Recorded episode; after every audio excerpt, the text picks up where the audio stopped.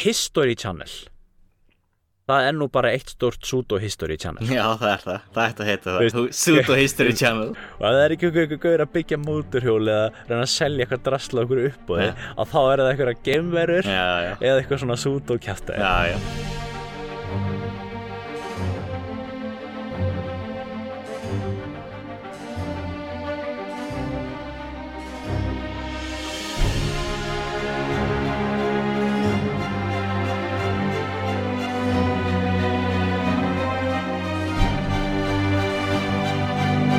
Komið sæl, ágætu hlustendur og eh, verið velkomin í Krím og Geu Andri Jónsson heiti ég. Ólafur Hersi Allandsson heiti ég. Hörðu, þetta er 19. þátturinn okkar hér í dag. Ef, ef, ef með er talin uh, auka svona þátturinn sem við vorum meina síðast um koronavírusin sem ég nú reyndir ekki búin að ekki búin að setja inn legg, núna þegar þetta er tekið upp. En mér datt nú í huga að, að hérna, ég ætti nú að skella honum upp mm. en, um, en það er þá 19. þátturinn af uh, Krím og Gjöf. Og þetta rennur allt hjá okkur áframálaugur Já, þetta skot gengur skott gengur Heru, það er komin april 2020 og það er ennþá, við erum ennþá, hér- það er ennþá allt í hersöndum hérna út af koronavírus Jú, jú, og hérna við erum ennþá að lifa þessa sögulegu tíma. Lítið annað að gera en að setja heim og hlusta á hlaðavarp nákvæmlega og hérna þetta er náttúrulega pff, maður er náttúrulega bara ennþá svo hissa sko. Já, og allir, allir sem að tala við það er allir bara einhvern veginn að skilja ekki neitt inn innu nei. Þetta er náttúrulega búið að setja þetta allt Þetta er náttúrulega Já, snýr lífin og kvolf algjörlega. Það gerir það, náttúrulega allir hugsa um þetta og tala um þetta og spáið hvernig þetta já, hvernig sé fyrir enda á þessu og, og maður aftur færa já, lífa ykkur svona venjulegu lífi en ég held að sé alveg ennþá töluvert í það. Já. Hvað heldur að verði eitthvað út eitthvað fram í, þú veist mæ eða jafnvel fram á sumar sem þegar við fáum næst? Ég held að þetta sé verið út árið. Ég get alveg trúið að menn ver, sé, þá tala ég um að þessi verði komið á svona venjöld ástandi að maður getur farið að fljúa hvert sem er og ekkert að spá í þessu. Og ég held að Já. sé margir mánuðir í eitthvað slíkt Já, sem verður svona alveg normalt alveg normalt en Já. fyrir okkur er hljóta nú kannski að fara að létta eitthvað aðeins á kannski eftir páska en síðan er vandamál náttúrulega með önnu lönd sko. Eins og okkur hérna í. Noregi náttúrulega í Svíþjóð náttúrulega er eh, mikil útbreiðsla á, á COVID. Þannig að ég sé alveg fyrir millin að norsk stjórnvöld mun þá mæla gegn ferðalöfum til Svíþjóða lengi. Já. En þeir hljóta nú að fara að opna skólana og svona eh, eftir páska, getur nú ekki annað verið sko, það Jú, ég var reyndið að tala um hérna í Oslo og þá ætla ég kannski að halda skólinu og loknum fyrstu vik eftir páska en Oslo náttúrulega það svæði sem hefur uh, já, fengið mest að kenna á verunni. Já Með mitt en þeir ljóta að fara að létta á svona hægt og rólega. Já, já, það verður gaman að að minnast þessa tíma Já, uh, setna meir. Það verður það þegar við lítum um öxl. En um, já við ætluðum nú að tala um um, um aðra hluti í dag. Mm og hérna við ætluðum að tala um já sko það kom það kom í rauninni til út af þessari bók sem þú varst að lesa. Já, sem að þú helst að væri pseudo-history eða hvað maður á að kalla það á íslensku. Hva, hvernig þýðir maður þetta fyrir hérna uh, hugtak pseudo-history? Spurning Á sko. íslensku. Mér hefur dótt í ykkur sem geti kallað gerfisögu eða lígisögu. Líka sig já, en sko, já, ég var að þess að sko, ég kann það eins og Ja. sko, ég gæti ekki sé að það væri neitt þetta hugtak væri neitt notað neins staðar. Þú veist, ég var að reyna að googla þetta eitthvað svona. Já. En sko, þú segir, það sem er kallað pseudoscience Já, það er kallað gerfivísindi já, og reyndar eða hjáfræði sem er þá væntarlega þýðingin á alternative science eða, nei hérna alternate science. Já. Og, og ef að pseudoscience er gerfivísindi þá kannski getur við kallað pseudohistory gerfisaga Já, en hérna þetta er eins og fólk eins og fólk þekkir auðvitað sagfræði sem að sem að gefis út fyrir að vera uh, fræðileg en er en er það ekki. Og það var svona kom svolítið til einmitt að því þú varst að lesa þarna bók sem að þú, sem að þú helst he- hefur haldið fram við mig lengi að sé Pseudoscience Já, og er svona það er bara svolítið gaman að ræða hennar því það er svo erfitt að segja sko. Ég held ennþá að þetta sé uh, gerfisaga en uh, Já. það er samt mjög spennandi hlutir í í þessum kenningum hans. Og gæti Já. verið eitthvað fótu fyrir sko. Þannig að það getur svolítið spennandi að, segja, að ræða það. En bókin heitir sko The Baltic Origins of Ho Homer's Epic Tales. Já, þannig að hann sem þess að teldur því fram að Iljónskviða og Ótsefskviða hafi átt sér stað við Eistrasaltið ekki við Eyjahaf já, hann staðsetur þetta allt þar já. Hver, Hvað heitir þessi maður? Mm, þetta er sko Ítali sem heitir já, ég, ég Felice Vinci, Vinci. Já, ég ætla ekki að reyna að bera þetta fram á ítölsku Flottur ítalsku reyður Já, mjög svo. Þetta var einn uppkunnuvert, ég datt eiginlega í norsku þetta Þetta var hérna, þetta er greinilega maður sem hefur, hefur lært latinu í skóla. Já, já. Nei, nei. Já, og, og þetta er sérst bók sem að uh, Ég hef nú ekki lesið þessi bók Ég var nú eitthvað aðeins að reyna að googla þetta og svona Því þú veist nú segja mér frá þessari bók og, hana, og maður sér það nú á svona Já, bara svona eftir svona létt Google Sér maður það að Það er nú svona ekkit, ekkit svona neitt verið að eða, þú veist, þetta er ekkit, þessi bók er ekkit útrópuð sem lega pseudo-history, sko. Nei, það er bálið, hún er ekki er, hún er ekki gerð það sko. Það er, er svolítið spennandi í sjálfu sér. Já, en uh, ég er enda bara, bara rétt núna að sjá sem sagt uh, hvað að segja, nákvæmna nákvæmari rannsókn eða review á bókinni. Já. Þar sem er, er vist einhver fræðinar held ég sem, sem fer svolítið í sauman á þessu. Mm. og hann eh, endar á á því náttúrulega að dæma bókina mjög neikvætt. En þó sko uh, ég náði bara að lesa þetta hratt hann kannski slæðir ekki út allt en ég er alveg sammála því og áður en byrja svo sem að fara meir í sauman á bókina að það er náttúrulega er eh, mikil vandamál hann og, og maður sér það þegar, þegar maður lesa bókina. Já, og ég held eins myndi byrja á því að segja að það er augljóst að hann er ekki sakfræðingur svo sem skrifaði bókina. Nei, nei. Hann er held ég Hann- en ekki raunvísundunum Jú, hann er hérna hann er kjarnorku verkfræðingur Já, Nuclear nákvæmlega. engineer. Já, alveg rétt. Þannig að og maður sér það sko, ég myndi nota orðið til þeimmis ég myndi lýsa bókinni sem barnalegri. Já, ok. Já, hann er voðalega naív hvernig hann er að meðhöndla ímsar uh, heimildir. Já, til dæmi sko uh, hann er alltof fljótfar í að samþykja heimildir. Þú veist, hann er ekki gaggrínin það er ekki gaggrínin skoðun. Það er ekki gaggrínin sögurskoðun Það- og til dæmi sko, bara eins og einfaldi hlutir hann horfir ekki raun og veru á sko uh, aldur heimilda og hvaða heimild geti mögulega haft áhrif á aðrar. Þannig að hann notar Já. snorraðettu og kaupir hana bara alveg og tekur hana eins og hún sé bara hvað var að segja, solid heimild sem hún náttúrulega Já. er ekki. Hún náttúrulega hefur fyrir áhrifum frá náttúrulega eldri heimildum og svo spurning hvað koma undan og hvað eftir og hvað hefur haft áhrif á hvað og hann er voðal barnalegu þegar kemur þessu. Já, já. Sem kannski getur verið að væri jafnvel eitthvað sem að maður myndi segja myndi um, einkenna kannski fræðimann eða hvað maður að segja, sá sem er mentaður eða þjálfaður sagnfræðingur ætti kannski að byrja því að passa sig á þessu. Já, þetta er eins og við höfum líka talað um meðan Jared Diamond eins og þegar hún gerir grínaði þegar hann var að vísa í þennan íslenska vinsinn já, já. My, my farmer friends in Iceland. Nákvæmlega. Ah, Það er flottur. En hann að um, hvað, út af hvað gengur þessi kenning svona í stuttu máli? Þetta er náttúrulega, þetta er Homer.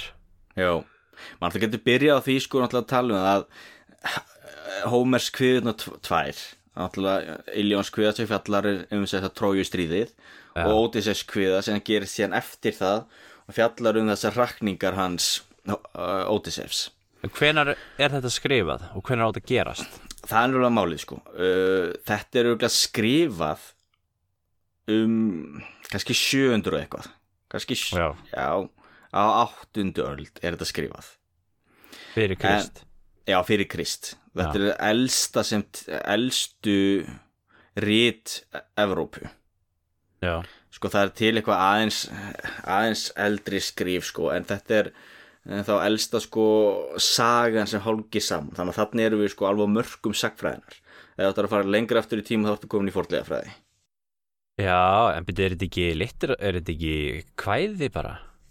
Jú, er þetta ekki litið á þetta sem bókmentir bara? Eða hvað? Jó, jó, já, það er nefnilega stór spurning. Þetta er neitt sem Íslendingasögurnar. Þú veist, Já, hversu já. er Íslendingasögurnar bara bókmentir eða er eitthvað sakfræðið heimildir í því? Já, og menn náttúrulega sumir hafa vilja segja Íslendingasögurnar séu bara líðsögur, þetta séu bara já, og með sumir hafa haldið frá, já, áður fyrir heldur með því fram að það væri bara heilar sannleikur.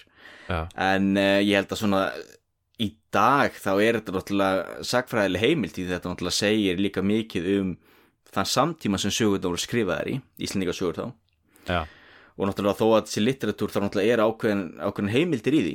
Því það náttúrulega líst ákveðin ákveðinum hugmyndum það líst hernaði já, er já, líst allir hans vopnarnum sem notu hitt og þetta sem voru hluti Já, af já. samfélaginu. Já, já, sjálfsög, sjálfsög, sjálfsög, já, já, en uh, það er náttúrulega það sem er líka erfitt og þess vegna þarf maður að vera svo rosalega gaggrinnin þetta náttúrulega eru bókmentir með eitthvert sögulegt gildi og svo er spurningin hversu stórt er þetta sögulega gildi?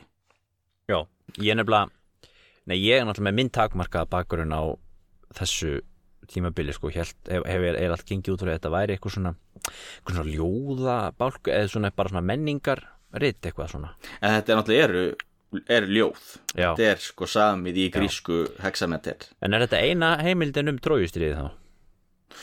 já, vegna þess að þetta er sko eða var klassiska rit gríkja veist, það lásu allir þetta. Og þetta Já, var, þetta er ritið sem var lesið aftur og aftur og aftur og það að vera mentaður gríki til dæmis á tímum Sókratesar, til dæmis og Aristotelesar sem var þá til dæmis uh, er þeir ekki kringum uh, 500 Mm, já, já, Sókrates sko og Platón og Aristoteles en nei, jú. Orðstafin Marathónin held í 480 og Sókrates barðist þar. Og Sókrates er 470 til 399 já ok.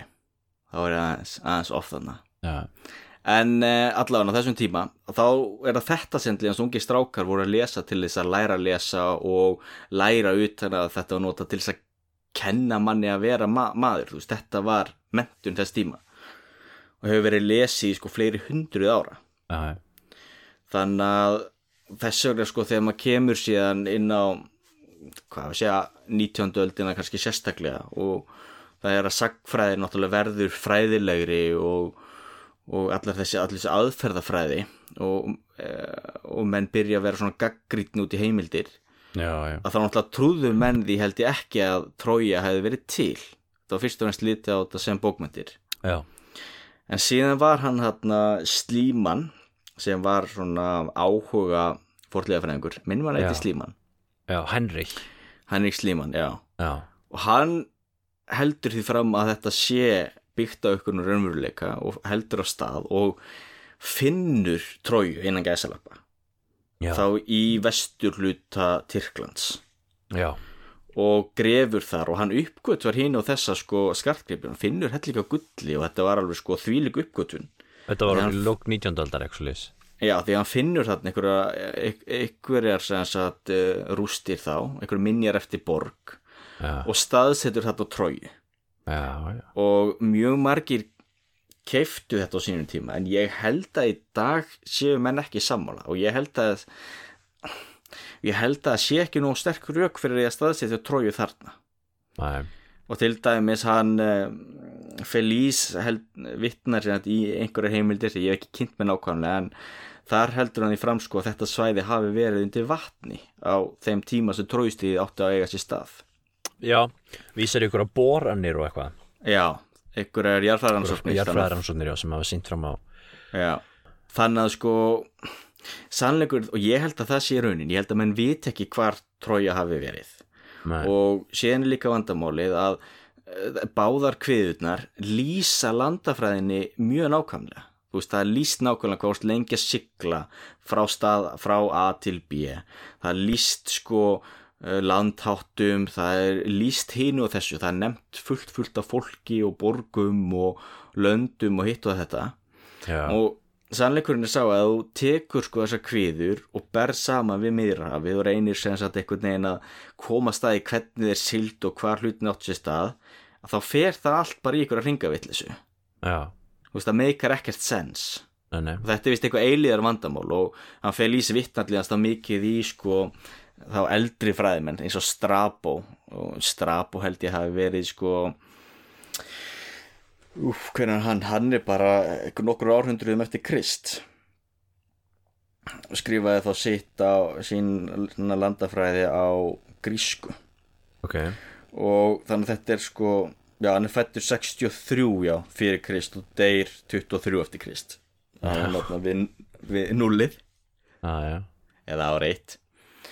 Og, og þetta hefur verið sér þá langt vandamál í vestrætin sögu að reyna að staðsetja sem sagt þessar tvær kvíður eða þessi tvö ljóð og síðan alltaf spurningin sko hversu mikill sannleikur er þetta eða ekki? Já, þannig að hann heldur því þó fram í, í mjög stuttumáli að þessa, þessi ljóð og þessir atbyrðir eða þessir atbyrðir hafi átt sér stað við eistarsaltið staðsettur á þar og síðan hafi þetta verið samið þessi ljóð uh, þá við eistarsaltið og síðan hafi þetta fólk þá haldið suður. Já, og síðan hafi þeir þá nefnt staði í, við Eyjahaf nota sömu nöfn og þeir voru vanir frá eistarsaltinu og síðan hafi náttúrulega hluta ljóðinu skólast til og menn glemt ákveðnum hluta en nógu mikið þó lifi eftir þannig að maður geti stað, stað, staðsett þetta við eistarsaltið já. Ég, ég las um, úrdrátt úr þessu. Já, og þar kemur fram það sem við myndum að tala um þessi, þessi, stað, þessi örnefni og staðaheiti og þá segir hann sko að það séu óslega mikið af örnefnum í um, í heimildunum sem að hann vil meina að eigi sér sko uppruna í Finnlandi já, Suður Finnlandi. Og hann vil meina að þar sé Trója já, og Trója sé það að hún heitir uh, hvað kallaði hann hana á, finnsku? Trója Er ekki ekki þannig?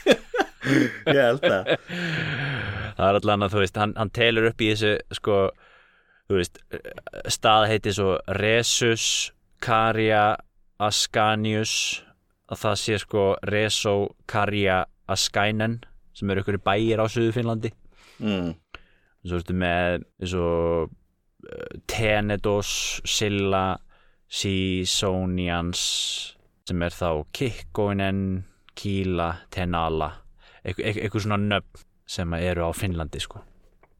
Og það séð þá þessi nöfn sem að hérna, sem að þetta fólk hefur tekið með sér og eða þessi- sögurnar sem að síðan enduróma þá í, í Homer. Já, en, en þarna þetta er náttúrulega alveg ótrúlega þú veist, já hversu lengi sem- geta örnefni eiginlega verið maður? Það er nefnilega spurningin en það sem líka áhört við þetta því honum tekst að tengja brjálaðslega fjölda örnefna. Og það í Já. sjálfu sér er allavega nógu áhugavert þannig að maður ætti eitthvað að líta á það þú veist, það getur ekki alveg verið tilvíðun þú veist að þegar endarist örnefni eftir örnefni eftir örnefni og þess vegna Já. segi ég að það sé ekki kannski alveg gerfisaga nei, nei, en síðan er samt eftir en það er samt alveg augljóst að hluti af þessar örnefna fræði hans er barnarleg og er mjög svona sketsi já, að því sko örnefnafræði þarf maður að passa sig mjög á. Já, að því til dæmi sko bara eitt, eitt dæmi eins og við tökum úr ensku. Já, male og female. Það hljóma voðalega líkt. Þannig að maður getur vel ímynda sér að það, maður getur haldið við þegar maður heyrir það fyrst að þetta sé tvö orð sem eigi sér sömu sögu. En það passar ekki. Orðið female þá kona það er að latinsku orðinu femina.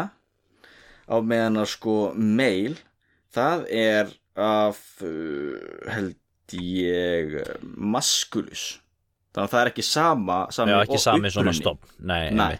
þetta eru tvö aðskilin orð já, sem sér ekki sama stopp en hljóma rosalega líkt. Já, já. Þa- þetta þarf að passa sig á veist, þetta er alveg klassíst en þessi miðalda í miðaldafræðum. Þetta er já, það er alveg klassíst að það séu mikil vandamál þar.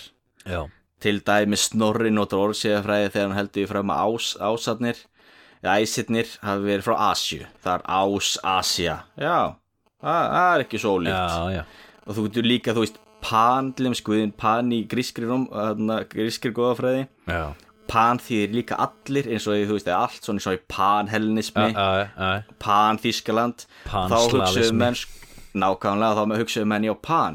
Það var örgulega vegna þess að hann leit svo astnarlega út svona hálkir geit að allir guðunir hlóu þess vegna fekk hann nafnið pan á meðan að þetta er rátt því pan hefur eitthvað að gera með sko skóheldi og orðsegafræðin aukst að þar. já, já. Þannig að menn það þarf að passa sig rosalega á þessu, sko. já, algjörlega. Algjörlega, en þetta er þá líka kannski svona, kannski þegar kemur að þessum gerfisöguna að þú veist hvernig maður túlkar heimildir og mm, það er tala um það sem eitt að einkennum svona þessa um, þessara tegund af af sagnaritun uh, að hún það er sé yfirborskend já, já, yfirborskend og, og líka með svona confirmation bias staðfestingar uh, já, hvað kallast það á íslensku? Svona þegar þú þegar þú, þegar þú leitar að dæmum til þess að staðfesta þitt agenda.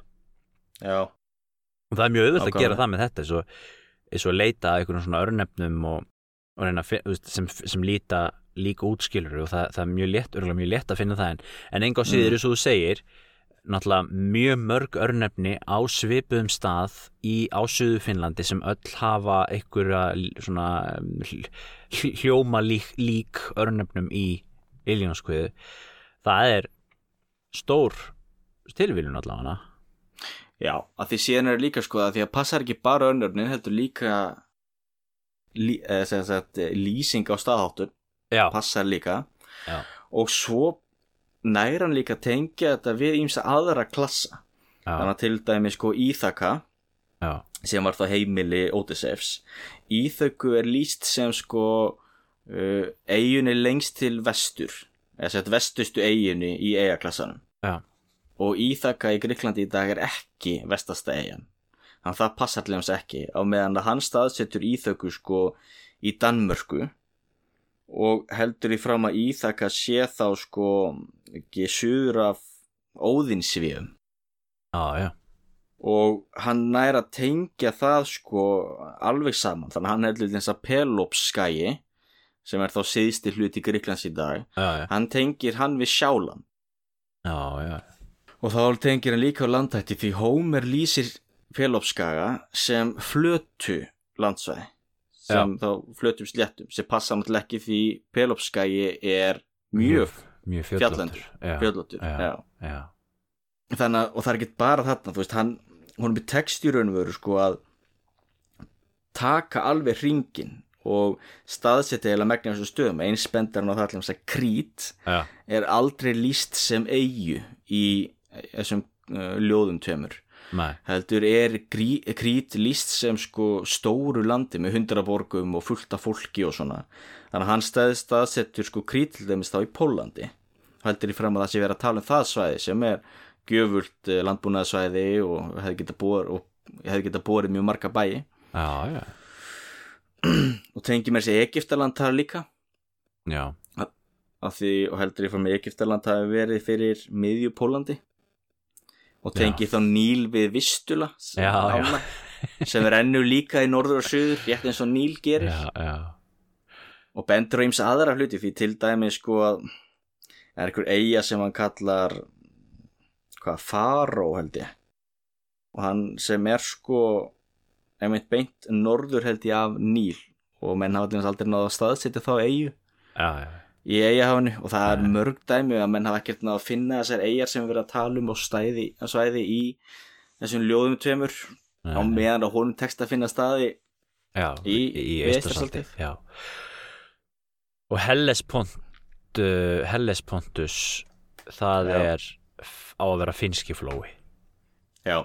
Já, og eins þá staðsetur hann sko Hades staðsetur hann við Hvítahaf já, já, já.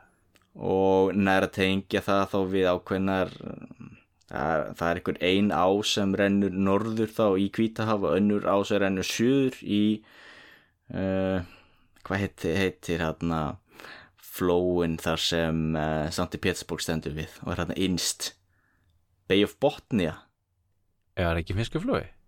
Jú, það er kannski finski flói Já. á íslensku Botníski, eðna, botníu Það Já. er á milli Svíþjóður og Finnlands Já, nei, ég er að tala um milli Finnlands og Rússlands Já, það er finnski flói Ok Botnía er á milli Finnlands og Svíþjóður held ég Já, jú, Golf Já. of Finland Já, já. En hérna Herðu ok, þannig að þess að og það eru líka uh, las ég líka lýsingar á hermunum uh, þeir eru alltaf voðalega vel klættir og það er alltaf brjála veður hjá þeim. Já, það er snjór og það er Mhm. og, og, og, og, einmitt þarna Hellespontus er list sem svona já þú veist hafinu basically er list sem hérna svona gráu þóku, rigning og svona. Já, já. Sem, sem að einkennir kannski meira eist, eistasaldi heldur en hérna heldur en sólalanda miðjarhaf Nákvæmlega Og þetta er vandamál sem ég hef rekist á áður sko, áður en ég las þessa bók. Já, þá hefur ég rekist á greinar þar sem menn er að reyna að díla við þetta. Ég veit ég að það bara að ykkur íslensku blaði fyrir nokkrum árum síðan þar sem einhver var að skrifa um það hvernig stóð á því að þeir lýsa hafinu allt öðru og þar, ef ég mann rétt voru ykkur hugmyndur um það að menn hafi hvort það var að, önnur hugtöki við liti eða eitthvað slíkt það var ykkur hundakunsti til að reyna að útskýra þetta. Já, já, já. því sko hafinu eins og því er lýst í eh, Illions og Ótseskviði það er allt annað haf heldur en er í við miðurhafið já. og eins og veist að tala um það er ekkert þetta miðurhafs veður sem er verið að lýsa Nei, nei, nei, nei. Og svo eins og ég segi, já, hermenn sem eru einmitt hérna klættir í, í, í hlíföt og er, líst sem þeir fari ekki úr þeim og svo var eitthvað að tala um einhvers staðar að þetta hefði stuðst að því ég var einmitt að hugsa með mér sko hefði þá ekki fundið einhverjar fordleifar sem getur í Finnlandi sko sem myndu, mm. sem myndu staðfesta þetta.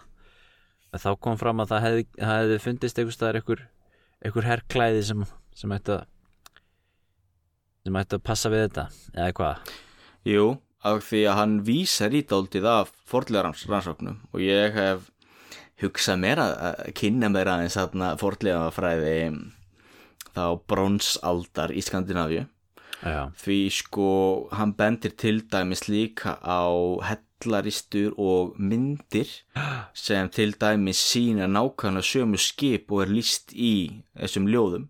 Já, þannig að það er þá myndir á skipum sem passa við lýsingarnar. Já, og hann hann næra vísi svo mikið að það getur eiginlega ekki verið bara til þó að síðan við getum talað um það aðeins setna, þú veist, hann dreifur þetta allt og langt. Já, en það er tölvört af fordleifum sem er að passa því til dæmis líka að þú skoðar sko fordleifarnar í Gríklandi þá sér maður að þetta passar ekki.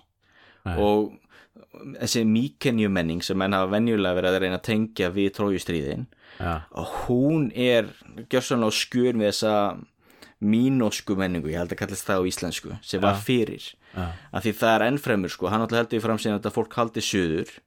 Og það er náttúrulega líka þannig að það er grundu allar atriði í grískri goðafræði og í sögu gríkja er að þeir eru aðkomu fólk að norðan. Já, já, já.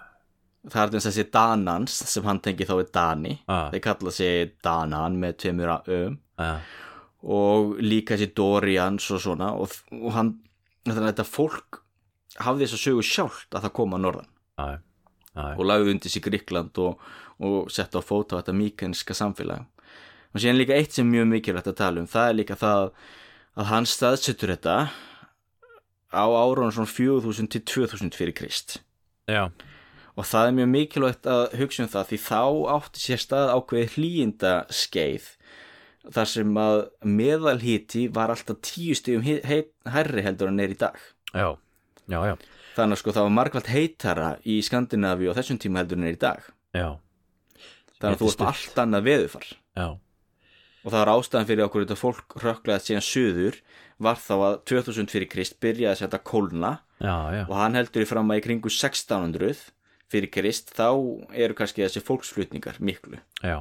Það er einmitt uh, talað um held ég uh, svona 12, 1200 til 1100 fyrir Krist sem er svona þessi hefðbundna tímasetning trójustriðsins já, þannig að og síðan getur maður líka spurt sig sko, ok er það ekki svolítið svona langsótt? Ok, þú ert með ákveðið menningarsamfélag þá í Skandinavíu. Jú, það passar upp á viðfar viðfarið hefði getað búið slít samfélag. Já, geti að verið að þetta fólk hafa síðan rökklast haldið suður, lagt undir sér landsvæði og stofnað samfélag tekið með sér hefðir sínar og sögu, góðsagnir og þannig hafið þær lifað áfram og við síðan höfum þá leifar því í þessum ljóðum tömur þegar maður setur það svona upp, jú, það getur hljóma svolítið langsótt en við höfum dæmi um það til dæmis í Indlandi já, með þessa já, náttúrulega voðalega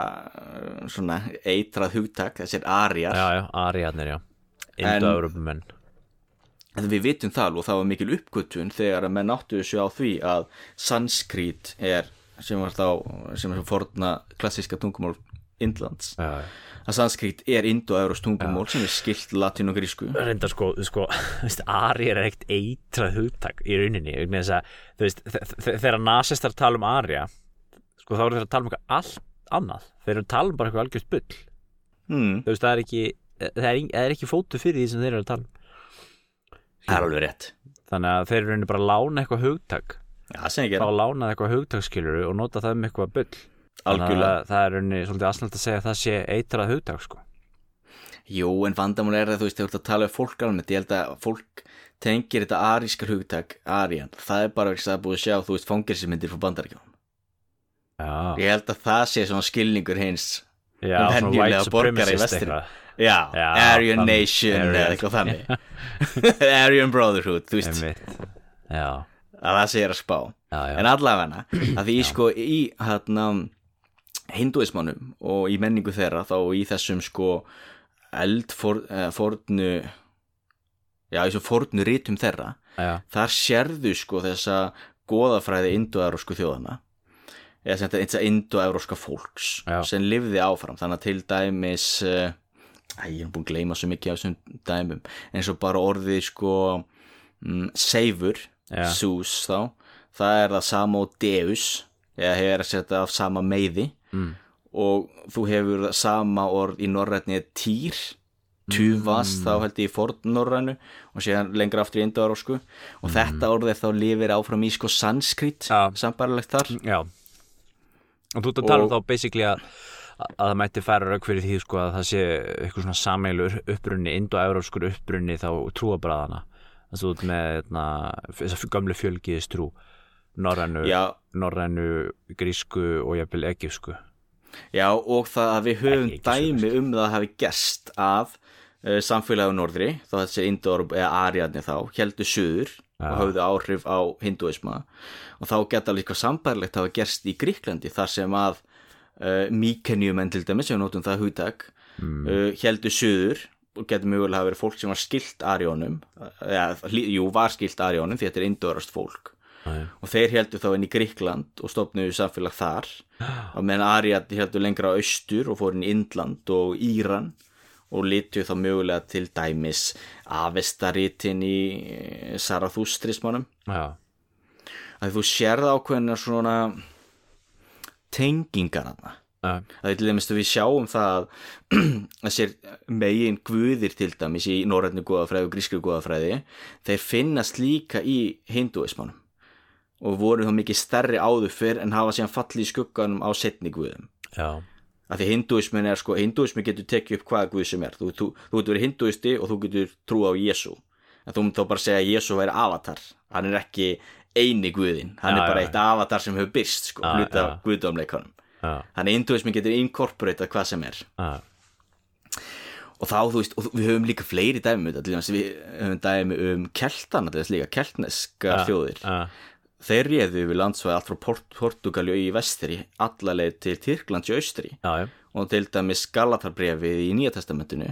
Brefið til, ég veit ekki hvað þau það, Galatamenn eða eitthvað slíkt, Galatians. Já, þetta er til dæmis keltnesku þjóðflokkur sem einangraðist í Anatóliu og lifði þar í mörg hundru ár og var þá ennþá til á tímum Páls Postula. Já, eftir að sko keltnest samfélag var lungubú fallið og, og þeir voru orðin rosalega marginaliseraðar og í dag býr keltnest fólk bara smá í Írlandi aðeins á Bretangskaga í Já. Fraklandi og í Skotlandi þannig að þetta hefur gerst fólksflutningar Já, og fólk er að taka mismöndi góðsagnir og sögur og svona. Algjörlega, algjörlega og svo aðtilvært um þetta um þetta indo-európsku, ef þetta voru já, aðstæð indo-európu menn koma austan frá leggjum til sig uh, já, alla Európu mm, og og svo einhvern veginn eh, einmitt á því svæði sem að sem að við, sem er nú er til umræðu sem er Finnland, að þar eru í dag ekki indo-európumenn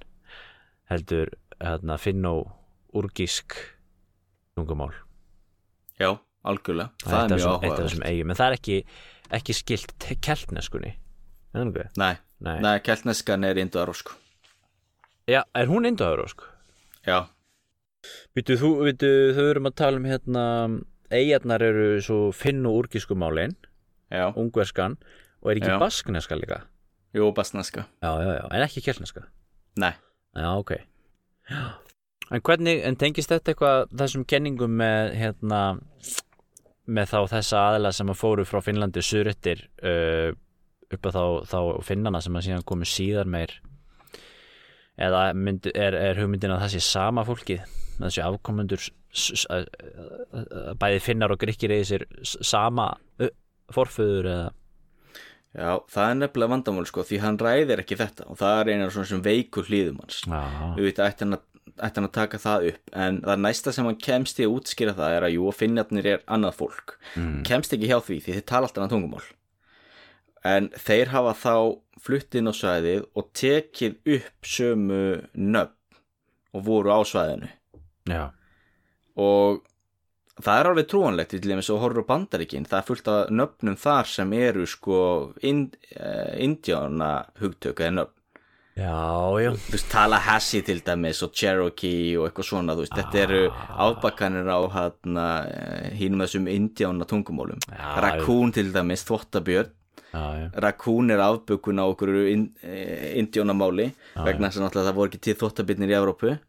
Já, og eins kengúra, það er eitthvað afbökun og vegna þess að þú náttúrulega tekur eða átt ekki orðið til í eigin máli og rekst á nýtt fólk sem er með orði yfir þetta þá tekur venil upp það orð og þetta er oft notað sko til þess að mm, kasta ljósa og hitt og þetta vegna þá getur séð til þess að þú ert með tungumál þess indoöðurst tungumál og ef þetta fólk hefur flutt frá heimalandi sínu yfir eitthvað annað svæði og þá hefur að tekið upp ný orð og þá út frá þeim orðum getur reynt að finna út sko hvar fólki mögulega kom fyrst. Já, já, skilur við já. eins og til dæmis auðvitað höfum við okkar eigin hugtök yfir kindur, söðfjö og eitthvað slíkt. Já, já. allan er mismunandi orðið við það vegna þess að það er rótgróin hluti af uh, norrænni menningu. Já, já. á meðan að maður á ekki norræn orð yfir hvað er nota, kóalabyrni til dæmis. Já, já, algjörlega með hlébarða. Já, hlýjabarða það eru til eitthvað 11 mismundi orð á færisku um rigningu eða eitthvað. Og, Já.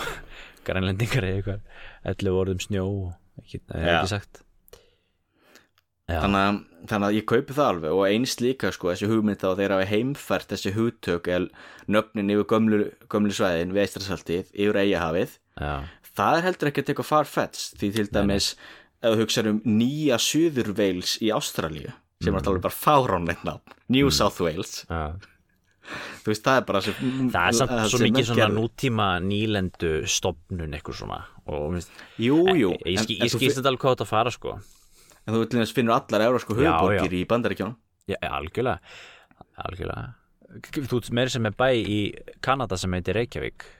Nákvæmlega, en það sér bara hvað það setur fast í fólki. Já. Fólki er ekkert voðalega frumlegt eða nefnilega nefna ný, ný landsvæði. Veit samt ekki alveg hvort það sé endilega rétt að, be, að, að sko hvort það sé sangjant endilega að nota sko nútíma nýlendu dæmi sem það sem þegar, þegar sko hlutinni gera svo ógeðslega hratt kannski að tala um einhver nokkur hundur ár sko mm. en, en enga á síður ég, ég er algjörlega sammála því að þú veist þetta meika alveg sensið að segja að menn taki með sér örnefni sjálfsög og að menn, Já, og að ma- menn læri örnefni af því sem er að- að- að- að- að að- að maður endur nýti örnefni sem eru, eru fyrir Já.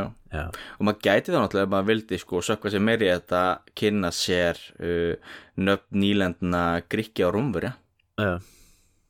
Ég veit ekki hvað nýðstuð það myndi koma hvað það myndi fótu því en það væri mjög áhvert þá getur þú kannski séð að þeir eru að væri að nota sömu nöfn. Já.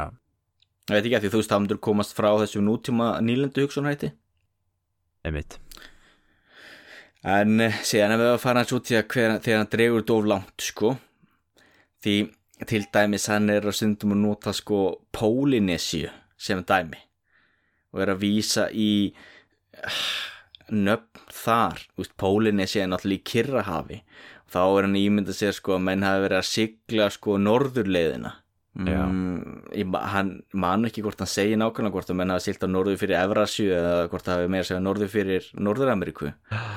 En það er rosalega farfetst sko. Þá er þetta mjög svo hálum ís. En hérna þessi gaur, já þessum segið komin út í, komin út í svona ég hef myndið séð þetta þessum, þessum svona þessari gaggrinni eða svona smá sem ég hef bara lesið um, um þetta, það, það er nákvæmlega sem þú segir þetta er svona vissuleiti mjög um, hérna sannfærandi rök fyrir ímsu og skemmtileg áhugaverð kenning og en, en samt, en svo einhvern veginn gengur alltaf langt sko, Já, endar ykkur algjöru búlsiti sem, að, að dregur þetta svolítið niður það. er gallin sko. Já, og sérstaklega síðustu kalblatnir þá dala þetta rosalega. Þá runnu alveg með tvær grímur sko. Já. Að því líka sko eitt, eitt dæmi bara hann, hann heldur í meira að segja fram sko að hebreðarnir séu hluti þessu fólki sko. Og biblían og, og, og svona. Já, já, já. Hann er alveg missi greinlega í þessum kenningum sín Já, hann gengur allt og langt og það er gallin og það er oft svona mjög veik hlið á þessum sko gerfisögu hugmyndum. Já, að já, þeir ganga svo langt. Ganga svo langt þeir taka kannski eitthvað smá kjarna og blása og blása og blása það upp. Þá er þessi bara springur. Þannig að þetta hugtak, gerfisaga Já, nú er þetta svona ekkur hérna heimsbyggiprófessor sem að sem að heitir Ro Robert Todd Carroll sem hefur skrifað um þetta. Já, og hefur komið fram með lista yfir svona veist, hluti sem að þarf að uppfylla til þess að sé pseudohistory og þetta er svona þessi listi sem oft er svona, svona dregin fram þegar menn er að tala um þetta til minnst á Wikipedia sko, í Wikipedia greininni sko, mjög svona típist sko. Já, og það eru það eru sérst þessi atriði hérna sem að sem að þú hefur talað með svo til dæmis að trúa á forna sagfræðinga sem aðri hefur kannski ekki trúað á. Mm, með þetta þessum svona kriterja típist svona sem, að- sem, sem sút og sagfræðingar já, gera. Að taka taka uh, það sem að venjulega talið kannski ótrúverðugar heimildir og nota þær og nota þær vegna þess að þær styðja við það sem þú ert að koma með. Og að nota allir missi mýtur og svona legends uh, sem sannleika sko. Og jafnvel eitthvað yfirnáttúrulegt. Það er alls ekkert ós, ós, ó, já, ekkert svo sjálfgeft í þessum fræðum sko. Mm, og og svo þetta sko að einmitt, að vera með að vera með eitthvað agenda. Menn er yfirleitt með eitthvað agenda. Já, og oft er þetta politist agenda. Já, og það er til til mis svona holocaust denial eða sko að afneita helförinni það er oft talað um það sem eitt gott dæmi um pseudosakfræði af því þar eru sakfræðingar sem að já, fræðimenn sem að sko þú veist, byggja málsitt upp fræ, í fræðilegum búning. En hefur nú kannski verið sínt fram á að sé ekki, ekki verið okkar eins og hann hérna, hvað heitir þessi frægast aftur? hann er ekki örving Jú, þessi breski sko. Já, Já. Og þarna og það er líka sko dæmis hann. Hann dæmis sko hann var, alltaf, hann var svona þessi frægasti svona sem, að, sem hefur verið að skrifa um þetta. Og hans til dæmis kenningum hérna, um helförina sko byggist eða svona málflutningurinn svona snýst svolítið mikið um það sko að segja sko Hitler vissi ekki að því. Mm, og það sé sko já ok, já ok, já Hitler vissi ekki allt er góð, allt er góð sko. Mm, en, en einhvað síður þarna um, svo, fa, svo, fa, svo, fa, svo fá, menn gaggrín á sig sko. Þú ert nazisti eða þú ert geðingahattari eða eitthvað svona sko. Nei, nei, nei, ég er ekki geðingahattari sko. Þetta er bara, bara sagfræði sko. Ég er bara, ég er bara hérna, alternativ sko. Veist, ég er bara að fara, ég er ekki mainstream. Ég er sko með nýja hugsun. Já. þið eru bara, sko og, og nei, þetta er nazisti og þú veist, útrópum hann sem nazista og eitthvað svona, nei, nei, nei, ég er ekki nazisti og svo kemur ykkur ljósmynd á þar sem hann er, þú veist, blackface eða, þú veist eða hvað það var, sést á ykkur í svona rally í hérna Þískalandi með ykkur um nínasistum og þú veist, ykkur hljóðupptaka sem er að syngja eitthvað hælhittarlag eða eitthvað, mann ekki hvort það var nákvæmlega þessi örving eða ykkur annar svona Já, ykkur annar svona, svona holocaust nægjalgau sko. og þú veist, það er alltaf þetta. Menn eru með eitthvað agenda. Já, og hérna, og svo er þetta mjög mikið líka í sko slum svo Balkanskaga og alltaf það er auðvitað verið og alveg mikið svona pólitist umrót auðvitað þessu veistu mm. og mikil svona, já mikil þjóðurnisíkja og ég vil eitru þjóðurnisíkja já, menn að mikið verið að nota söguna í þú veist, tilgangi þeim tilgangi að sko stiðja við sinn málstað og svona mm. og það er alveg, menn, menn hafa nefnt það þú veist að það sé alveg til dæmi bara frá öllum helstu Balkanlöndunum í Júgoslavíu og í Búlgaríu og Rúmeníu þar sem að menn hafa verið að skrifa sakfræði sko eða sögu uh, búa til sakfræði sko sem að hefur ekki verið byggð á neinu nema mítum og óstöðum heimildum og ótrúverðum heimildum og og er allt gert í, í þeim pólitíska tilgangi að, að, og yfirleitt að til þess að sína fram að þeirra að veri fyrstir og svona. Eins og þú kannski heyrtum hérna um, um með svo auðvitað Makedónia til dæmis. Þeir vilja, vilja tengja sig við Ford Mag Mag Makedónana sko. Jú, jú. Og svo til dæmis svo Albanir þeir hafa verið með sko hugmyndin um það að þeir séu sko afkomendur Illyriumanna Já, og séu þar að leiðandi sko eða Illyríku manna eða hvað, hvað kallaðast nú. Já, og þeir séu þar með sko fyrstu íbúar Balkanskagan sko, og allir hinir koma eftir. Já, já og svo Serbar náttúrulega líka svo það, það er til hugmyndinu það sko að Serbar hafi verið hérna að þeir, að þeir, að þeir komi frá for, að þeir séu sko afkomundu Forn Egypta skilur Serbar. Já, já, eða Forn Egyptar hafi verið Já. Serbar. Og þú veist og að það séu hafi verið ykkur veist, serbneskar þjóðir á Indlandi og, ég veit ekki hvað og hvað sko. Þannig að þú veist það, já menn finnir på hinn og þessu sko. Og eins sko að því við vorum að ta- tala sem þetta aríska hugtak. Þá er það líka þekkt uh, hugtak í þessum uh, nýnasta heimi. Það er Hyperborea. Já, og Hyperborea er sko talað um í grískum uh, heimildum. Það er sem nyrsta svæðið. Já, og hann tekur upp þetta hugtak líka. Og þegar hann auðvitað, maður getur auðvitað rætt það fræðilega þú veist að því þetta er talað um þetta í grískum ljóðum og svona og maður getur auðvitað að rannsaka þetta. Já, en gallin er sko að hluti af þessu orði og sögu þessa, þessa orðs og þessa hugmyndaheims er til dæmis hún um, Madame Blavatsky sem skrifaði The Secret Doctrine og stofnaði The, The Theosophical Society já, já. hún byrjaði að skrifa 1888 hún held í fram að hún var í andlu sambandi við einhverja öldunga í, í Tíbet sem veittu henni sýnir og rættu við hann og hún skrifaði niður eftir þeim já. þú ert líka með menn eins og René Gouillon eða hvernig sem hann berða fram á fransku sem var á móti nútímanum og stóð fyrir það sem kallast traditionalism Já, já. hann endaði sem um, Sufi muslimi í Egyptalandi já. og líka með Julius Evola ég man ekki hvort við talaði um Julius Evola hann hann var, vann mikið með SS í seti heimstyrjöldinni var fasisti já. Og þessir menn hafa verið upptekrin að því sko einmitt að staðsetja þá uh, okkar heimaland þá ef við tölum og þá okkur sem þessa uh, indoærusku þjóðir þá Evrópumenn Já. í norðrinu í Hyperborea. Já, já.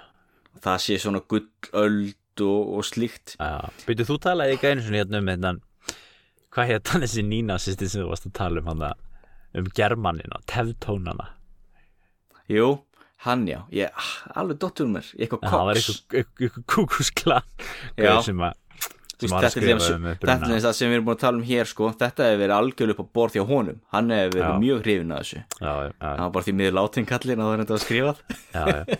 en svo er til annað af þessu líka. Það er afrosentrismi Já, Það er dæmi um pseudo-history sem er, Það svona pólitísk hreyfing í bandaríkjónum uh, sem, á, sem er náttúrulega svona svolítið reaksjón við rasisma skilur og, og hvernig blökkumennum hefur verið hvernig þeir hafa verið kúaðir í gegnum sögun og, og, og, þessi hugmynd líka um það bara að sko, já, svolítið þessi eurocentriska hugmynd um það að Afríka, sko, það sé, ekki, það sé engin saga í Afríku skilur sem, er mjög algeng að þú veist að það sé bara, hún byrjar bara með, það er hérna Lucy og, og Homo erectus og eitthvað. Mhm. Og svo bara og svo bara hérna trúbóðið og nýlendunar sko. Og hluti af þessu þá að þeir haldaði fram náttúrulega allir hans að eikstættin hafa verið svartir. Já, já, einmitt. Að það hefur verið svona í, að fórnækistur hafi verið að þeim, að það hefur verið svona, svona yfirstjætt mm. hafin yfirstjætt yfir yfir fórnækistunum voru, voru svartir já, einmitt. Og það er alls konar hugmyndir um það líka að að hérna, þú veist, grikkir og rómverjar og aðrar menningarþjóður við meðar hafi, hafi stólið sínum, sinni menningu þá frá þessum svörtu Egyptum. Já, þetta eru mjög áhugaverðar hugmyndir.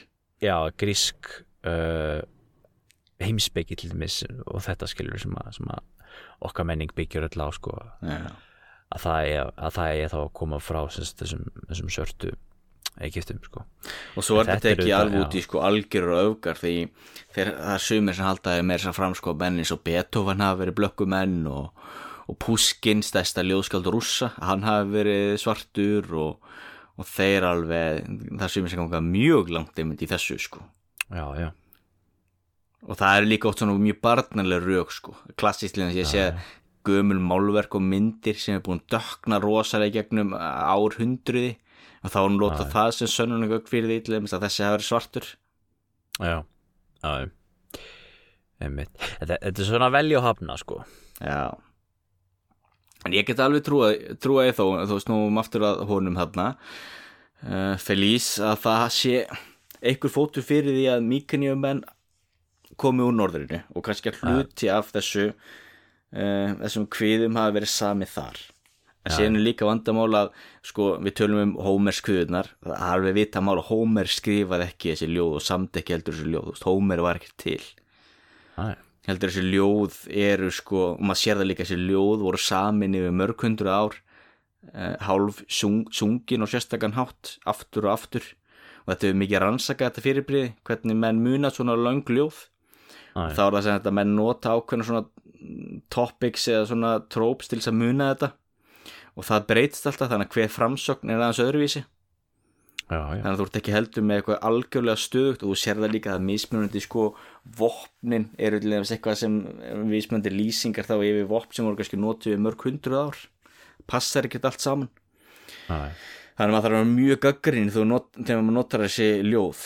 Og síðan náttúrulega líka Já, já. spurningin sko ég held að Ótsefs hviða sé eldri. Og það er einmitt að kannski stór akkilesra hæll á þessum kenningum að spila í að hann talar um bæði Ótsefs og Iljóskvið svo það hefur verið samið á svipum tíma af sama höfundi, höfundi hann talar alltaf um Homer. Á meðan sko Iljanskviða geta algjörlega verið sko samið þá eftir Ótsefskviða og inspireruð af Ótsefskviðu já ég sá það að einhver, einhver var að skrifa review um þessa bók það sem að hann uh, einmitt, keifti þetta með sko Iljónskviðu mm. En sagði að þetta myndi ekki geta gengið fyrir Ódysseskviðu Já, þannig að ég held að sé eitthvað svona ég kaupi að sé eitthvað sannleikskertni þarna og mér langar til þess að skoða það aðeins sjálfur, kafa aðeins dýpri í þetta. En ég kaupi alls ekki alla bókina. Með mig en byrju þetta, þú þá ertu að ganga út frá því að það hefði verið eitthvað svona svakaleg menning eitthvað svaka svona civilization með borg, borgum og Nei, ég held að það bara eru smábæir sem er lýsan sem borgum.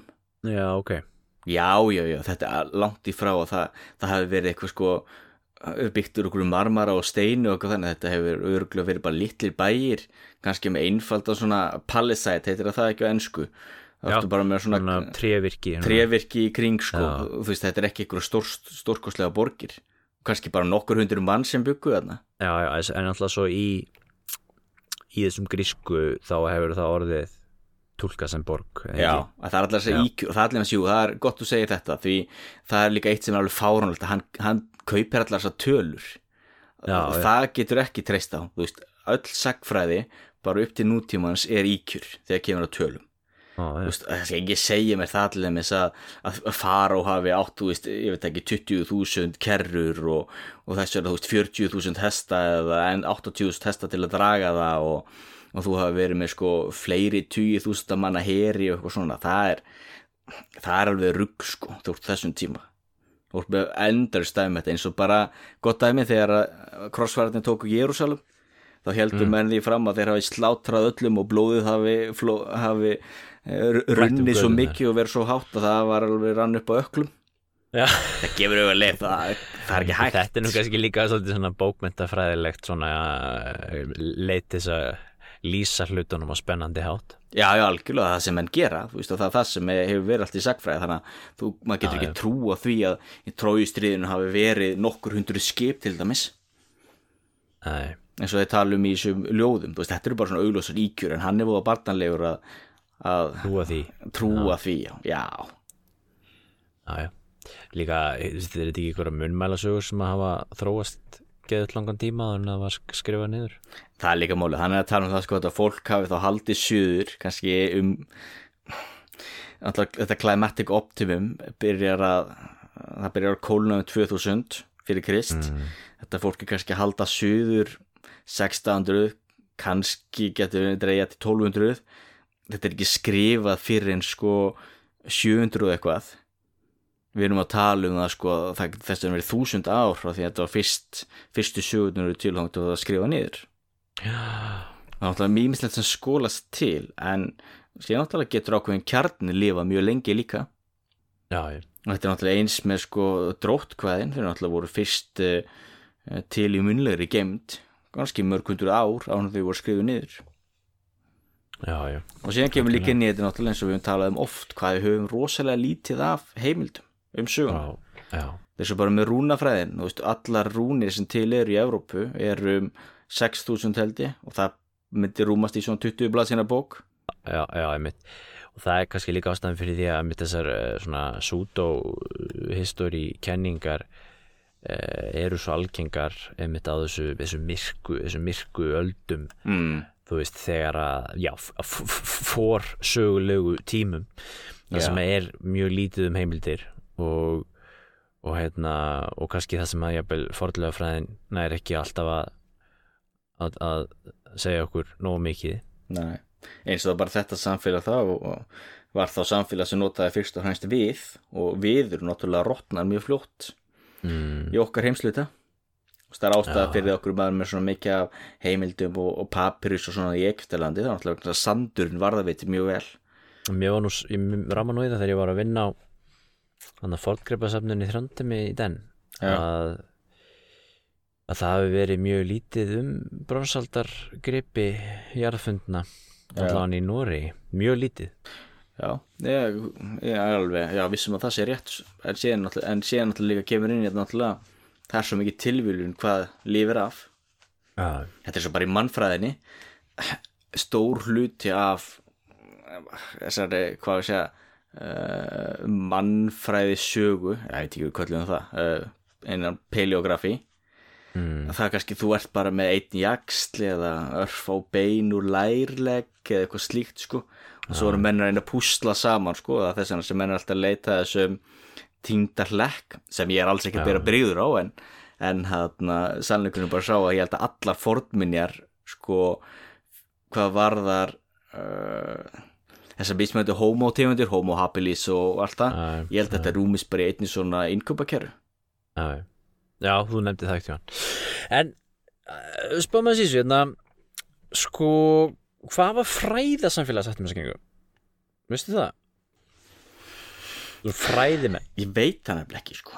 Ég, Ég held að yfirleitt sé svona bara menn segir að nei, nei, ég, þú veist menn enn ekki að lesa þetta einu sinni, sko. Ég held að það sé málið. En mér finnst það vera svo sorglegt því sko þú er endalist dæmi um það í sögun eins og bara í sögu vísindana Já. þar sem menn hafa hugsað um þetta svona, neða, þetta er bara þvættingur. Mm. og svo er það sínt sér, neða, heyrðu þetta er nægtsfjöli stemmi. Já, samt líka bara svo ógeðslega mikið nöttkessu með eitthvað svona fáralega kenninga líka. Já, ég veit það, það er alveg rétt Líka svo er svo bara Típisk, sko, þú ert sagfræðingur á einhverju institúti eitthvað staðar og þú veist og, þi, og svo, svo er einhver, einhver gaur skilur sem er ekkert sagfræðingur skilur og er ekkert í þessu umhverfi mætir ekkert á ráðstefnunar og þú veist, er ekkert skilur sem er að skrifa ykkur svona bók og það er svo létt að bara svona hugsa já, þetta er bara ykkur, ykkur vitlisingur sko. Það er bara svo málið. En þá myndi ég að segja að þetta kemur líka inn sko þessi menta og stofnanarhóki. já, Ég myndi, já, ég myndi segja að vera hætt á því að því ég allan, mér finnst mikilvægt að maður sé svolítið svona mjög, svona open-minded og svona geta allan opnað fyrir valmöguleika eða möguleika og allan að kynna sér aðeins. Er alltaf eðlilegt sko, auðvitað bara að sagfræðingar og fordlega fræðingar bara komi bara og svari svona kenningum Já, nákvæmlega. Bara, bara, bara, hvað segir maður, bara kalt. Mm. þegar þú dismissar og svona, nei, þið er ekki að lesa þetta eins og þetta er bara búlsið skilur þá, að þá ertu í rauninni að leifa því að lifa sko. Það er alveg málið. Og það gildir eins bara með eins og til dæmis já, bara í pólitík til dæmis öfga- öfgareyfingar þú veist um, það sem að menn eru með er, að- er að halda uppi kannski, þú veist áróðri og legum skiluru eða þú veist Mm. falsfréttum eða eitthvað og, Já, já. og, og, og það er mikilvægt að sko hinnir anstæðingarnir sko það er létt fyrir það að segja bara nei hlust ekki á þetta skiluru og taka ekki debattið sko. Mm en en að um að gera að bara svara fullum hálsi Mér, þú ert, ef þú ert í stjórnmálum þá á það að vera þitt hlutverk að svara öðrum. Og ef þú ert vísindamaður eða fræðimaður þá að geta bara tekið svona kenningar og, og svara þeim þá bara ef að þær eru vittlisar og einmitt hveða þær í kútinu sem maður segir. Já, nákvæmlega. Það er í rauninni mjög mikilvægt en svo getur náttúrulega vel verið eitthvað sem búin að gera það. Ég er sem ekkert búin að skoða eitthvað allt allt sem hefur skrifað með þessa bók sko ég og Nei, ekki heldur sko.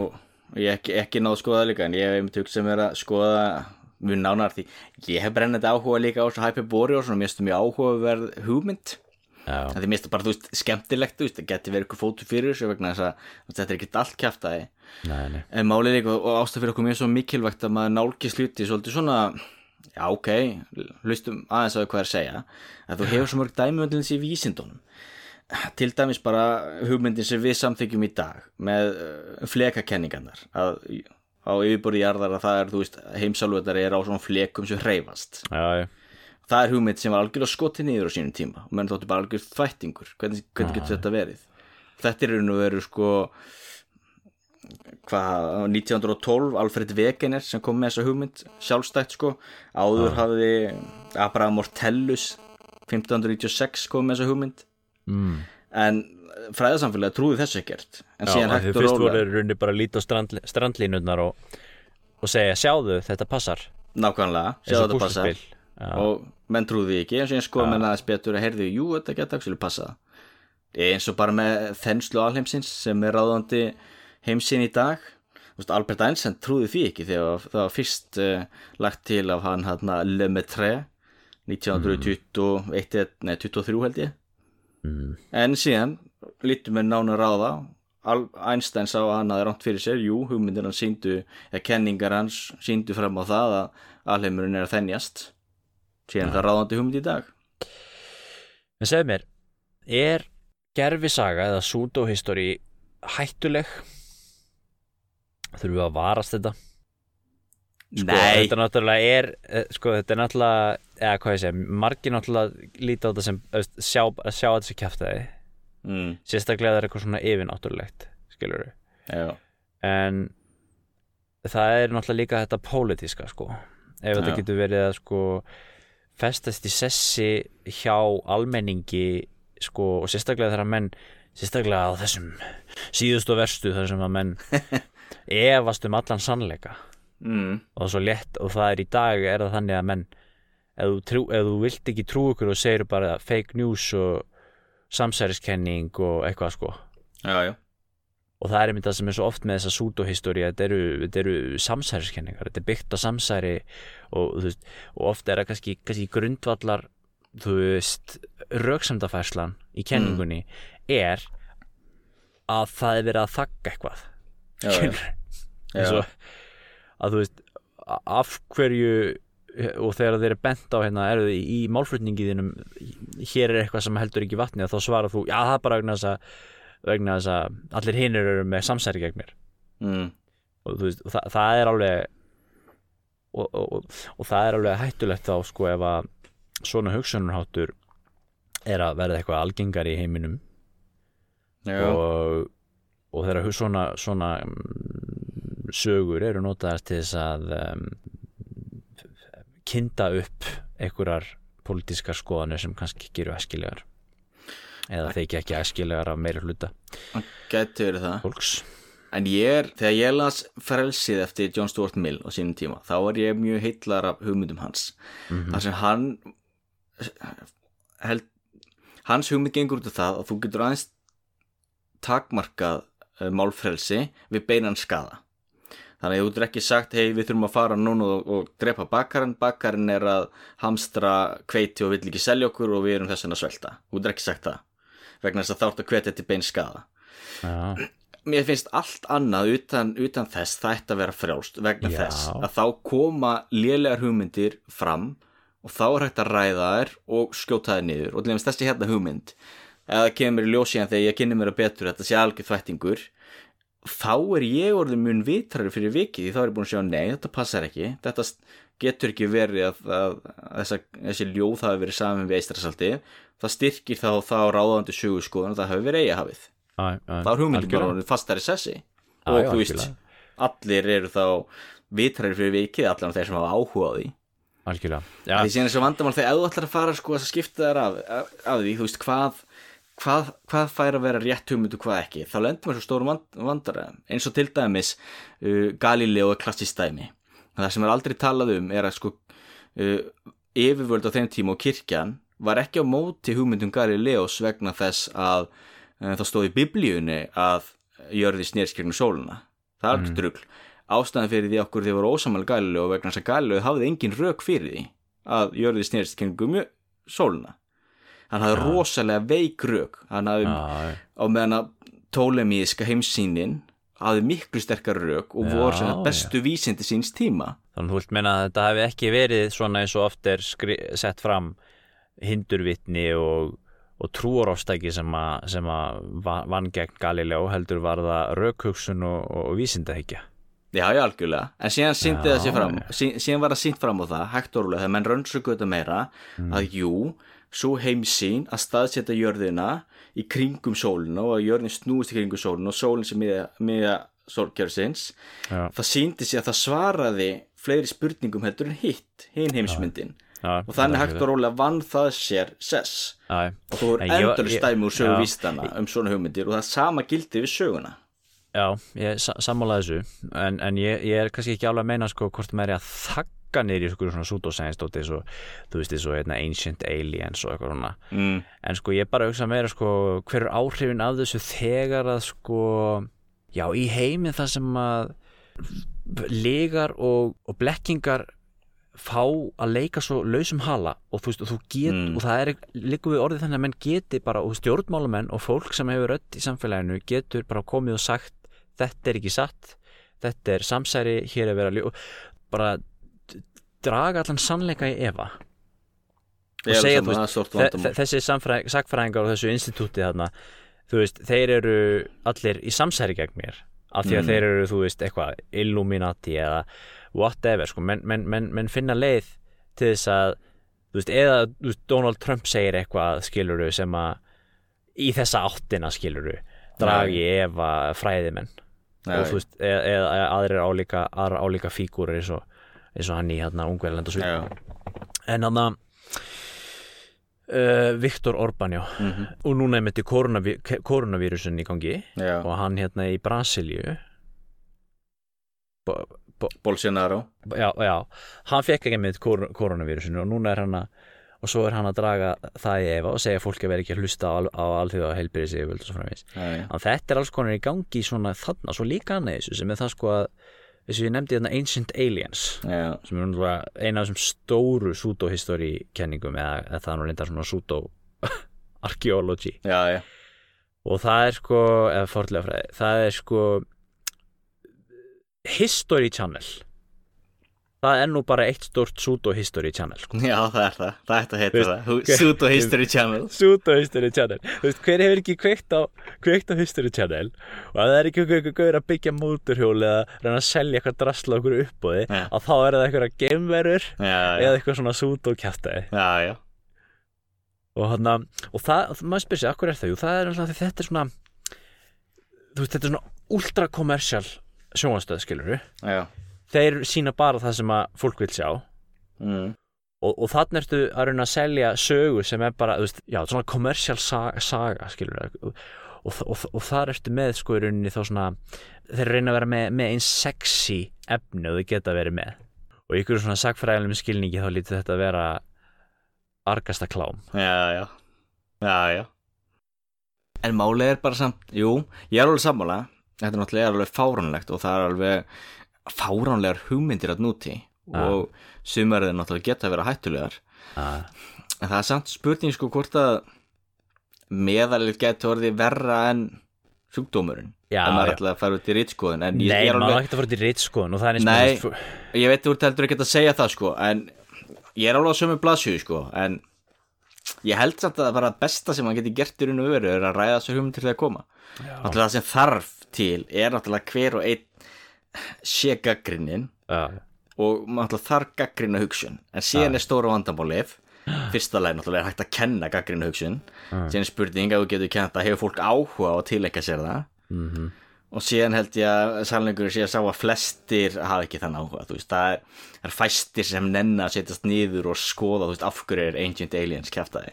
Og meðan þú byrjar að skoða þá sér maður algjör drug Já, já, þess að þú getur verið þú veist, þú getur verið heima og, og horta á Ancient Aliens eða eitthvað og svo, svo fyrst þér að geta áhugaverð þá ferðu og, og, og googlar það skilur og fer að skoða fullt af YouTube myndböndum skilur og svo og, og svo getur þú leiði bara YouTube allan daginn skilur og fræðið um sko eitthvað svona alls konar svona súdókjæftaði þá get ég sagt uh, hlustundu það ég hef lesið töluvert eftir Erik von Däniken og Zakaria Sitsin og ég þekki mikið á þessu köllum alveg út og ég hafði brennandi áhuga á þessu sínum tíma Já. en ég las þetta alltaf sem sko skemmtilestingu Já, þessu Sitsin, aldrei. já. Það er þessi Já, nöttkeið sem að er sem að er hérna hvað aðal geimveru geimfara Já, kenningasmiðurinn því hann var Já. að þýða sko mikið á súmerskum rítum Já Einmitt, og Zakaria Sitsin er, ein- er í raun sko ástæðan fyrir þess okkur. Ég var að velta fyrir mér að læra súmersku á sínum tíma.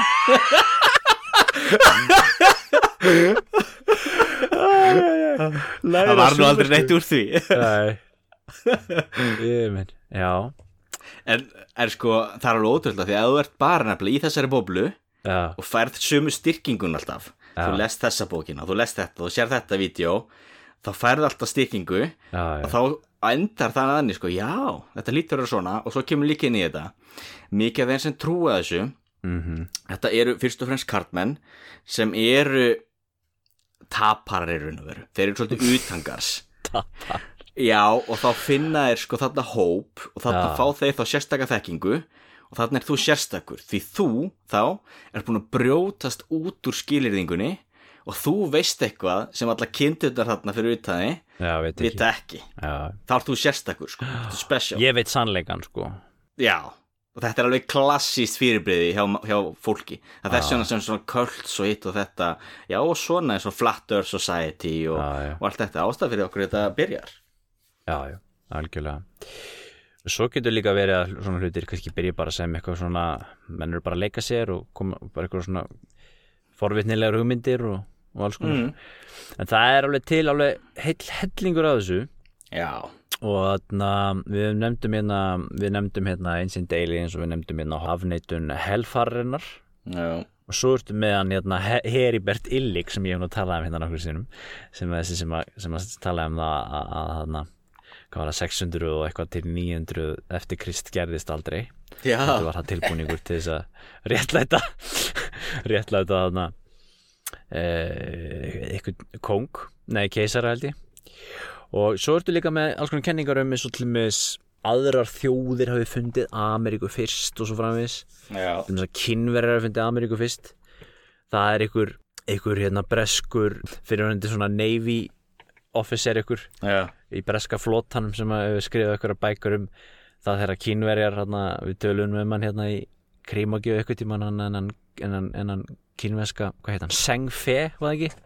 Jú, eitthvað þannig þessi kínverski flótafóringi sem að sem að næstu því fann Am Ameríku eða hefði getað fundið Ameríku svo að tala. Jú, en það er alls konar sögur um það að þeir hafi bara fundið Ameríku og svo þessi, þessi, breski hérna, manni hvað hann heitir en hann skrifaði um mér að já, þeir hefðu sko fyrst fundið Ameríku Mm. og svo sildu til, til Evrópu og, og, og importeriðu sko endurreisnina til Ítala Já, og svo, svo það er allt það komið sko frá Kína. En þetta er líka Þannig að- klassíst að tengja af Ameríku og hann gerir það líka, hann fer lí sko. Halda að það var norður menn líka eða þetta fólk hafi líka verið eitthvað í Ameríku og þess að hann vísa stundum í ykkur indjána góðsagnir, Já, það er rosalega þund sko. Líka svo fyndið sko þess að þetta, þetta er svona að við talum að þetta eru amat eða eða svona að, þú veist, þú ert kannski aðalega eitthvað annað svo þessi þarna sem þú varst að tala um hann er, hann er sko, hann er, hann er kjarnorku verkfræðingur Já, en hann er líka svona amatör sagfræðingur sko. Þessi flóta fór ekki sko hann tala um mikið um svona þú veist eitthvað svona, ó þegar ég er að sigla sko Já, þá já. veit ég það þegar vindarnir eru svona og þegar sólin er svona sko. Ég veit það alveg að, Já, já. að þú veist með við sko mínar, mínar svona navigation hérna, reynslu sko. Veist, þannig að það er það er ímislegt í þessu og svo ertu líka með mm, satanistana Mm. uh, 19, svona, svona 8, 9. áraturnum það var mikið fjara fólk í kringu það þetta vera svona alls konar, eða nú kannski ekki sa sagabeint, það er meira svona fake news kannski, Jú, það er mjög merkilt fyrir við Þa, það ætti að vera svona satanískir svona cults, það sem að vera Já. já, fórna fólki og alls konar sem kom síðan ljósa var bara eitthvað algjört bull og, og það gráðlega við að lífi fullt af fólki í, fólks í, í bandaríkjunum var gjörsanlega eðilagt út af einmitt svona sem fólk var dæmt fyrir uh, barnanið og uh, að vera satanistar sem síndi sig síðan að vera algjör tvættingur en en, en það er kannski ekki alveg rétt að nefna þetta kannski, þetta er kannski aðeins að öðru með við erum, við erum meira að tala um svona já, svona, þú veist, þeir eru að nú- tala um sögulega hluti. Og svo náttúrulega aðal kenningin kannski sem við erum ekki búin að nefna einu sinni, sem er mother culture kenningin eða, eða kenningin um, um, hérna, um, um sameinlegt upphaf uh, þar sem að menn uh, og hvað var það aftur? Þeir, þeir fundu þeir, þeir hafa fundið alls konar fornminjar viðsvegur um heiminn og vilja meina að það sé þá ein svona ultra civilization sem að Mm. var hér á jörðinni sem, sem, sem dó síðan og allar núverandi menningar jarðarinnar eru komnar af henni eða eitthvað svo leiðis já þá er þetta spennt á píramítana þú finnur píramíta í Mexíko þú finnur píramíta í, í Egistarlandi og í Mesopotami og finnur píramíta út um allt. Tælandi líka. En einfalda útskýningin náttúrulega er svo að það er mjög einfalt að byggja píramíta Já. þú byrjar, Já. þú veist, þannig að fyrir hverja, hvert, hverja siðmenningu þá er það svona eitt af einföldustu stórmannverkjunum sem þú getur byggt. Það er mitt Já. það hefur kannski frekar útskýringi að okkur finna píramíta um allan heim Ákvæmlega En uh, síðan náttúrulega líka gengur náttúrulega í, hún náttúrulega líka farið út í hluti eins og sko esoterískan hitlerisma sem hann halda að fram að andi Adolf Hitlers lifi ennþá sem What? sko eitthvað svona guðleg vera og næstatnir Já. hafi farið á Suðskjöldslandið og svona Tunglið Já, tunglið já. mitt eða að breska konfjölskyldan séu Eðlur. einhvers konar eðlur eins og David Icke hefur verið að halda fram oh, Shit sko. Já, hann er að skrifa okkur 20 bækur kallinn Herðu, Sudo History, gerfi saga Þetta er Ja. sem sagt uh, stundum geta menn verið með áhugaverðar kenningar stundum Já. eru menn með algjör kjaftaði já, Mér finnst líka alltaf kannski að reyna þú veist svona, greina þessu milli þú, veist, þú, þú mér finnst kannski ekki, ma- má kannski ekki taka endilega allar samsæðiskenningar og allt og stimplaði sem, sem, sem næ, eða uh, mér finnst það þurfa að vera kannski svona já, þú veist, alvöru fræðimenn sem eru að reyna að skrifa alvöru fræðiverk og nota til þess sakfræðileg verkfæri. Mm, en eru með eitthvað politist agenda eh, eru með svona confirmation bias leita að uh, heimildum sem að styðja við sitt málefni og túlka, túlka heimildir vittlaust uh, túlka er ránt, nota ótrúverulegar heimildir og, og trúa á mýtur og svo framvegis. Og svo Já. náttúrulega bætist náttúrulega við að þeir séu þá náttúrulega eins og þú segir að sko, ég veit svarið menn allir hinnir eru í myrkrinu og Já. allir hinnir eru eru hérna eru í samsæri sko.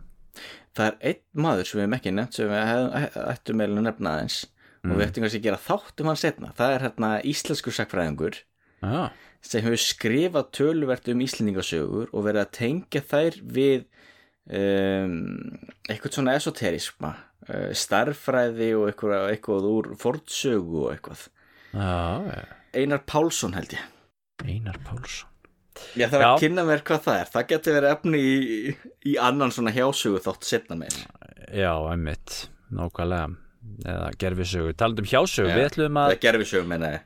já, Já, hjásögu er eitthvað að- annað. Hjásæðar annað sko. Það er hérna einmitt málefni sem við ætlum að reyna að tala um næst. Fyrst við erum á þessum nótum svona að tala um svona svona, svona tegundir af sakfræði sem ekki er sönn. Þá ætlum við að kíkja á, á hjásöguna í næsta þætti af Krím og Gjú mm. ef við að segja það kannski bara gott í bili Ólafur? Já, þetta er búin mjög gott þá segjum við þetta gott í bili og eh, við snúum hér aftur í næsta þætti af eh, Krím og Gjú fjallreisir að vanda við félagarnir og eh, verið sæl. Verðið sæl